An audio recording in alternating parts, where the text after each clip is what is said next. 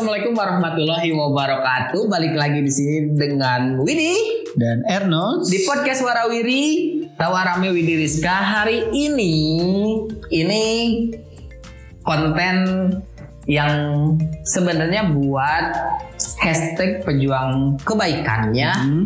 at podcaster Indonesia. Jadi kita podcast Warawiri dengan ini menyatakan mengikuti mengikuti event hashtag pejuang kebaikannya at podcaster Indonesia. Kita ini adalah opening kita yang bakalan kita obrolin. Hari ini kita ngobrolin tentang pada saat zaman dulu, zaman Nabi Nabi kita sebelum Nabi Muhammad SAW ternyata ternyata ada juga nabi-nabi yang melakukan puasa sebelum Nabi Muhammad SAW diperintahkan untuk berpuasa. berpuasa pada saat bulan Ramadan. Iya. Yang ini adalah episode opening bahwa podcast Warawiri tentunya di channelnya di Nugraha Widi Podcast. Jadi podcast Warawiri ini tuh segmen ya Kang ya? Ya, Segmennya betul. dari Nugraha Widi Podcast. Kita menyatakan bahwa kita ikut eventnya hashtag pejuang kebaikan. Nah, kita mulai dari mana Kang? Kita bahas. Kita mulai dari karena ini berhubungan dengan Ramadan, jadi kita akan membahas tentang puasa pembukaannya. Tapi sebelum masuk ke situ, ternyata puasa tersebut memang mungkin sudah di, nggak tahu diperintahkan atau enggak ya. Tapi sepertinya sih diperintahkan kalau Hmm. nabinya melakukan ibadah puasa gitu. Tapi yang pasti kita nggak tahu nih eh, cara melakukan puasa Ya. seperti apa gitu. Hanya yang mau kita bahas itu ternyata sebelum Nabi Muhammad diperintahkan untuk berpuasa dan kita pun diperintahkan untuk berpuasa, terlebih dahulu Nabi Adam pun sudah pernah melakukan puasa tersebut. Iya. gitu. Ternyata puasa Nabi Adam tuh puasa tiga hari tiap bulan sepanjang tahun. Iya. Ada juga yang menyebutkan tanggal 10 Muharram karena setelah bertemu dengan Siti Hawa. Ya. Mungkin puasa yang dilakukan adalah ungkapan terima kasih gitu kan masih ungkapan bersyukur karena bertemu dengan pasangannya. Iya. Jadi Nabi Adam melakukan puasa. Terus juga yang kedua ada puasa kalau yang kedua ternyata ada Nabi Nuh. Nabi, Nabi Nuh juga pernah berpuasa. Beliau berpuasa ketika di atas Bahtera Nuh. Iya Bahtera Nuh yang besar itu ya. Iya. Eh, kurang lebih waktunya setahun ya. Iya, karena kan kalau ngomongin tentang Bahtera Nuh, jadi kalau dari sudut pandang sejarah Islam, jadi yang namanya banjir bandangnya itu satu dunia, Ya. bukan dalam satu daerah aja Ya. gitu. Jadi kalau secara sejarah Islamnya, jadi satu dunia itu benar-benar meluap lah airnya gitu. Bahkan bangunan Ka'bah aja pondasinya hancur ya Kang ya. Hmm. Makanya pada saat zaman Nabi Ibrahim alaihissalam sama Nabi Is- Ismail alaihissalam itu mereka meninggikan kembali bangunan Ka'bah yang runtuh akibat banjir bandangnya pada zaman Nabi Nuh. Hmm. Gitu. Jadi pada saat Nabi Nuh di atas bahtera tuh Nabi Nuh puasa Ya. selama satu tahun penuh. Nah setelah Nabi Nuh apa Kang? Nabi Ibrahim. Nabi Ibrahim. Dan kalau Nabi Ibrahim, beliau berpuasa ketika dibakar oleh Raja Namrud. Ya. Mungkin eh, berdoa ya beliau kepada Iya. karena kan kalau kalau nggak salah nih pada saat dibakar malaikat Jibril turun, Hmm. malaikat Jibril turun dan ditanya eh, Nabi Ibrahimnya apa yang kau minta kepada Tuhanmu Hmm. wahai Ibrahim tapi Ibrahim ngomongnya Tuhanku lebih tahu apa yang aku butuhkan Iya. jadi kalau Nabi, Nabi Ibrahim tuh nggak minta Iya. jadi kalau kita dulu pas PA PA biar ditinggiin sama atasan kita, berarti Iya, nggak iya. minta bu, saya pengen nilainya gede. Ya. Mungkin Nabi Ibrahim juga seperti itu dia nggak minta ke Allah, ya Allah dinginkan api ini enggak. Tapi jawabannya Tuhanku lebih tahu apa yang aku butuhkan. Iya, benar. Makanya kan dijadikan ya dingin ya. Iya. Menurut ceritanya yang kita dengar kan dijadikan apinya tuh dijadikan ya maksudnya nggak panas gitu. Ya, dan mungkin dari kata-kata Nabi Ibrahim itu dijadikan tagline suatu minuman bersoda. Kau tahu yang ku mau. Nah,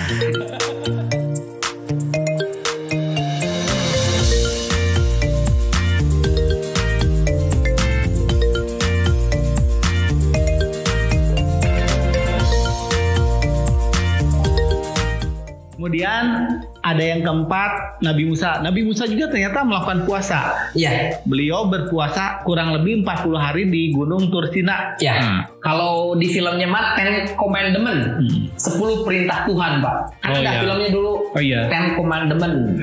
Tapi kalau saya mendengar eh, nah nggak jadi. Takut ngasih, takut sarak nanti ya. Kemudian juga setelah Nabi Musa, Nabi Yusuf, Nabi Yusuf ternyata Hmm. pernah ber- melakukan puasa juga ketika dipenjarakan oleh Zulaika. Zulaika itu kan yang tergila-gila pada Nabi Yusuf ya, yang difitnah ya berarti ini ya. Betul. Jadi kalau dilihat nabi-nabi itu berpuasa pada saat mereka ditimpa bukan musibah atau apa ya, Ujian. ujian. Ujian. Kalau kita ditimpa ujian, update sosmed. Habis sosmed. Itu bedanya. Terus ada gambar teddy bear, Ya. terus mm, kacanya berembun. Terus juga ada Nabi Yunus. Nah, kalau Nabi Yunus juga beliau berpuasa ketika dimakan ikan paus. Ya. Jadi berada dalam perut ikan paus, beliau berpuasa. Terus Nabi Suhaib pada saat masuk usia senja kalau Nabi Suhaib. ya. Kalau tidak salah sih untuk mendekatkan diri Ya, pada rohnya ya. Mm. Terus juga kemudian Nabi Ayub, Nabi Ayub pada saat beliau sakit karena kan Nabi Ayub sakit ya kalau nggak salah ya. Jadi Nabi Ayub itu dicoba oleh Allah berapa puluh tahun ya.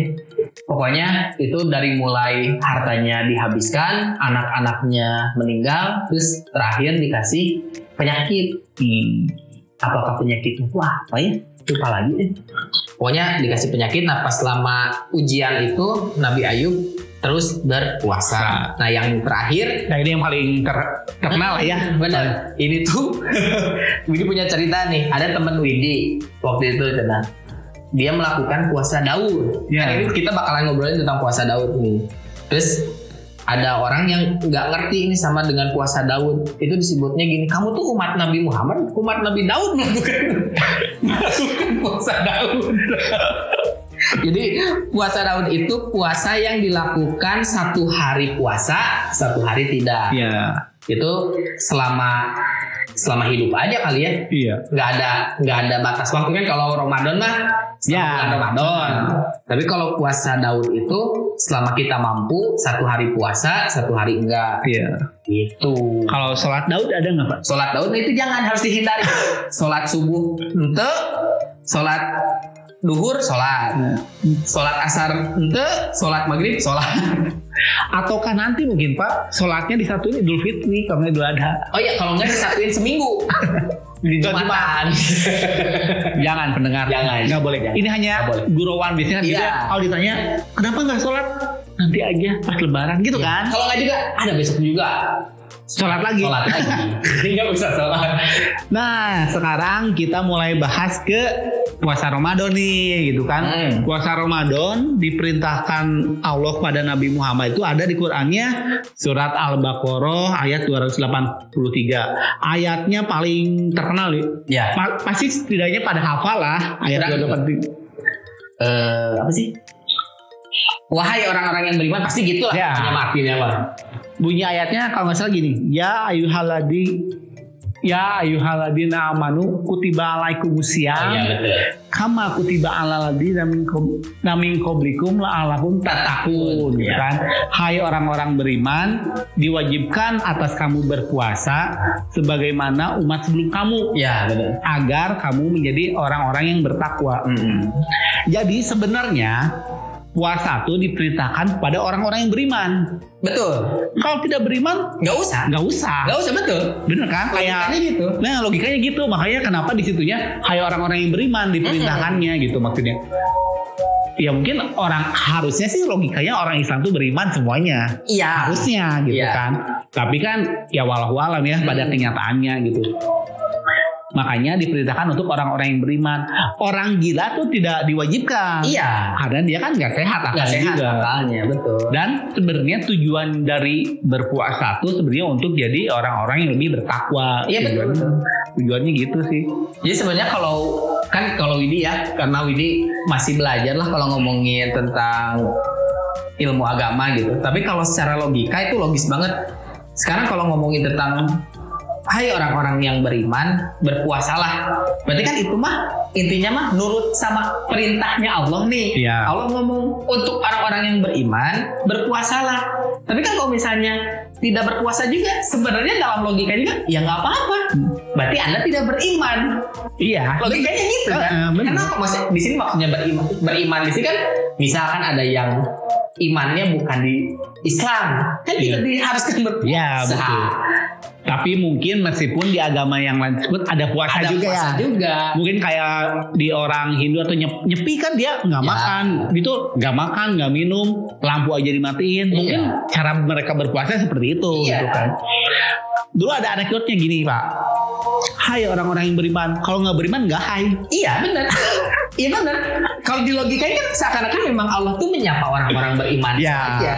Betul. Gitu. Jadi sebenarnya kalau misalnya ada teman-teman di sini yang tidak berpuasa pada saat Ramadan, sebenarnya Allah juga nggak masalah. Silakan aja. Karena kita tuh eh, puasa tuh sebenarnya kita yang butuh. Iya. Makanya jadi takutnya gini, takutnya jangan Allah yang butuh jadi kita puasa. Nah, itu kan iya, itu benar. mungkin pemikirannya yang harus mungkin segar apa ya? mulai dirubah lah Ya. gitu kan. Sebenarnya kita beribadah tuh karena kita yang perlu, Mm-mm. bukan Allah yang perlu. Dah. Sebenarnya Allah kan nggak perlu dengan ibadah-ibadah perlu.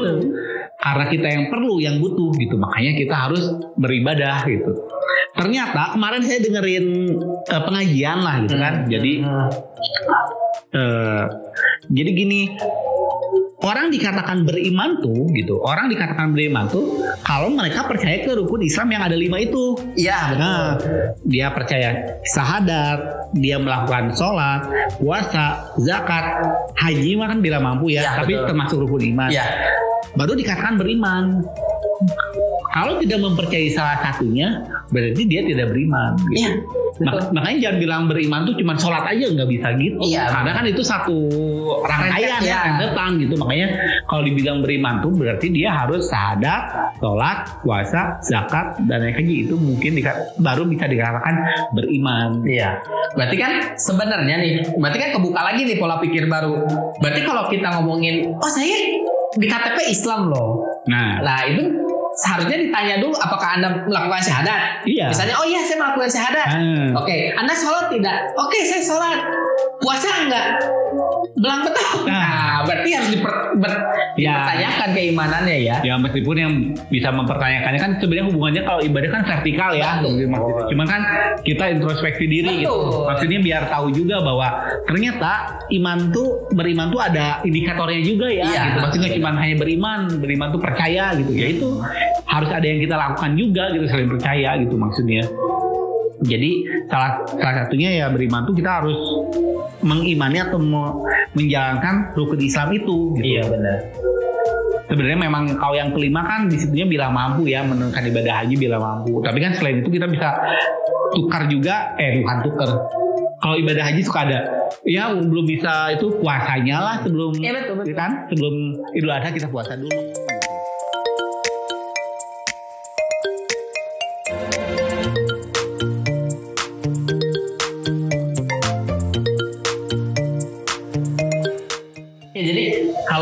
teman-teman ya, ini mah Widi kebuka lagi mindset Widi bahwa yang Widi rasa tuh di Islam tuh benar-benar yang bebas gitu. Kita benar-benar freedom, free will banget di saat kita ngelakuin perintahnya agama lah. ya Sekarang gini, Allah tuh dari Qur'annya aja udah jelas. Kalau misalnya Allah bilangnya, Hai orang-orang yang beriman, kan sebenarnya itu kalau di kita tuh ada yang kami dengar, kami lakukan. Hmm. Di saat Allah memerintahkan seperti itu, kalau misalnya memang mau kita dengarkan dan kita lakukan, alhamdulillah kita beriman pada pada Allah Subhanahu wa taala gitu. Tapi kalau misalnya kita dengar dan kita abaikan juga sebenarnya tidak masalah. Tidak akan tiba-tiba tangan dari langit nyintel, nggak akan. Iya. Atau misalnya tiba-tiba ada tangan dari langit ngegebuk yang mukul nggak akan gitu. Tapi di situlah kalau kata Widi yang namanya kebebasan dalam beragama di Islam gitu. Anda merasa muslim tapi Anda tidak melakukan sholat tidak masalah tuh. Ya maksudnya apakah memang Allah bakalan ngasih sesuatu tiba-tiba datang dari langit kan enggak. Tapi kita benar-benar kalau misalnya mau percaya akan yang namanya kan kalau di Islam ada yang namanya yaumul hisab gitu. ya Jadi nanti dipertanggungjawabkannya tuh nanti kalau Iya. kita gitu. Jadi Rapotnya nanti lah ya. Iya gitu. Jadi kalau misalnya kita sekarang ngomongin, ah saya muslim tapi misal saya muslim tapi saya nggak sholat, rezeki ada aja tuh. Atau misalnya saya nggak puasa tapi alhamdulillah sehat-sehat aja tuh. Nah itu tuh sebenarnya kalau dalam muslim eh, dalam Islam sendiri kita jadi ada yang namanya istiraj ya Kang ya. Ya, istidroj. namanya. Istiraj. Jadi itu tuh Allah benar-benar udah cuek aja ya. Ya. Jadi memberikan rezeki padahal itu tuh berupa ujian, Ujian. sebenarnya gitu. Nah, makanya sebenarnya ya di Muslim ya di Islam itu bener-bener freedom banget, free will banget. Kalian mau nurut nggak apa-apa, kalian nggak nurut juga nggak apa-apa. Cuman memang ada ada konsekuensinya. konsekuensinya, tapi nanti Ya. gitu. Nah mungkin itu yang saya pribadi pun gitu kita pribadi pun ya saya pribadi kadang-kadang ragu ya. Iya makanya. Apa kita harus mati dulu? Nah, Bener kan? iya, Untuk membuktikan yang selama ini kita pelajari dari Iya. Al-Quran itu memang ada gitu kan kan nggak mungkin gitu. Itu nah itu hal-hal yang nggak mungkin tapi kalau kita sebagai umat muslim ya kita harus percaya. Iya, Kalau di agama Kristen mungkin ada dogma ya. iya gitu. Jadi tidak usah dipertanyakan lagi, Iya. yang penting percaya. Gitu. Percaya Nah, aja. kayak gitu. Mm. Surga dan neraka, neraka tuh tidak usah dipertanyakan lagi, Mm. udah aja yakin percaya gitu. Iya. Jadi ada hal-hal yang memang kita juga harus langsung percaya. Mungkin ada juga yang harus dibuktikan dengan eh, teori dan perbuatan di Islam tuh ada gitu maksudnya teh. Ya kayak sekarang gini deh, kita ngomongin Ramadan kan. Berarti kan kita tuh percaya bahwa 1400 tahun yang lalu Ya. Nabi Muhammad SAW itu dikasih perintah sama Allah untuk umat muslim untuk puasa di bulan Ramadan. Iya. Gitu loh. Makanya kita percaya bahkan orangnya udah nggak ada Iya. gitu. Kan kalau logika ada orang juga udah nggak ada. Benar tuh ya. Bener nggak? Ah gitu. Tapi ternyata ajarannya kan masih membawa itu. Iya. Bahkan 1400 tahun yang lalu kan. Iya. Gila nggak? Makanya itulah kalau kita tuh namanya udah percaya gitu ya maksudnya Iya. percaya. Tapi kan memang selain percaya kita juga baca Qur'annya, Iya. ada tuntunannya harus gimana. Mungkin ya itu yang memperkuat bahwa itu memang kewajiban yang harus kita kerjain gitu kan. Dan juga kan puasa sebenarnya kan ada tujuannya juga puasa Iya. kan. Hmm, tujuannya kan bisa juga kita juga ikut merasakan apa yang orang-orang kecil maksudnya orang-orang kecil tuh mereka yang buat makan sehari aja susah Iya. gitu kan berpuasa tuh sebenarnya ada yang juga berpikir puasa tuh buat kesehatan Iya. gitu kan karena biasanya kita kan tiap hari makan Iya betul. pada saat puasa kan subuh eh sahur kan subuh sebelum subuh sahur terus udah itu puasa seharian baru buka gitu ya mungkin ada beberapa manfaat juga sebenarnya dari puasa Tapi itu itu udah terbukti kan, udah bukan ngomongin beberapa manfaat Hmm. lagi, tapi terbukti oleh Bapak Deddy Kobusier, Master Deddy Kobusier. oh iya yang OCD itu OCD. Jadi kalau menurut ceritanya waktu itu yang Widi baca kan OCD itu eh, Master Deddy Kobusier tuh dapat dari seorang aduh mong itu apa namanya itu pendeta bukan pendeta kalau yang Buddha tuh yang suka di gunung-gunung pak. Yang Shaolin. Ya Nah, nah itu tuh mereka tuh ternyata orang-orang yang ya yang apa ya disebutnya Shaolin itu teh. Nah itu tuh mereka belajar untuk menurunkan hawa nafsu kan mereka, ya gitu kan? Mereka tidak boleh makan daging. tidak mau tidak memakan makanan yang bernyawa Ya betul. Nah dari situlah eh, Master Deddy Corbuzier kan dapat oh ternyata berpuasa itu menaikkan hormon awet muda Hmm. gitu kan. Jadi hormon itu hanya bisa keluar setelah puasa sekian jam baru Hmm. keluar hormonnya, ya gitu kan. Terus ternyata dari puasa itu, jadi untuk teman-teman yang suka nge-gym, ternyata biar padat itu sama puasa pak. hmm. popol gitu Pupul gitu pak. Jadi sama puasa tuh si otot-otot tuh eh, bagus lah gitu. Jadi banyak hal baik, makanya Om Deddy Corbuzier bikin pola diet OCD. Iya. Kan di situ aja udah terbukti bahwa oh ternyata puasa banyak. Banyak manfaatnya. Manfaatnya, gitu. setelah diteliti kan maksudnya. Ya salah satunya itu mungkin manfaatnya. Terus juga kan buat merasakan bahwa oh gini ya jadi orang yang makan cuma sehari sekali Ya. gitu loh. Ya banyak lah manfaat dari puasa Banyak. kan. Terus manfaat dari puasa juga misal gitu kan kita misalnya suka sama seseorang puasaan. Ya. Berang kita ngalamin ya puasaan lah gitu. di puasa. Tapi terlepas itu bener apa salah, ini mah pribadi saya dulu gitu. Iya. Iya kan maksudnya kita berdua udah gitu. Iya. Maksudnya kadang-kadang main sesuatu puasa lah gitu. Tapi kalau kita runut lagi tadi berang merahnya kan, kita lihat dari apa sembilan nabi sebelum Nabi Muhammad tadi tuh, Hmm. kan mereka berpuasa di saat mereka ingin dekat dengan Tuhannya tuh. Iya. Nabi Syuaib kan, Nabi. Syuaib ingin lebih dekat dengan Allah Subhanahu Wa Taala, dia berpuasa. Keduanya kan Nabi, eh benar Nabi Yunus. Nabi Yunus pas waktu dimakan sama ikan paus itu kan karena Nabi Yunus udah capek ngurus umatnya, Ya. gitu kan? Dan nggak diundi keluarnya nama Nabi Yunus. Nah itu makanya dimakan dan di situ kan Nabi Yunus minta, eh lo udahlah saya bertobat, saya ingin menyelesaikan tugas saya. Berarti kan logikanya kan lagi sakit, Hmm. lagi butuh Iya. Puasa ya. puasa. Iya. Ya cuman kalau yang tadi kan kita nih maksudnya bukan nabi kita Iya. zaman sekarang maksudnya ya walau walau sih bener enggaknya gitu. Cuman ya harusnya sih kalau niatnya puasa sih karena Allah ya. Iya. Ya kan harusnya sih gitu Iya, ya. iya, iya. Tapi ya dulu ya nggak tahu sih saya juga gitu.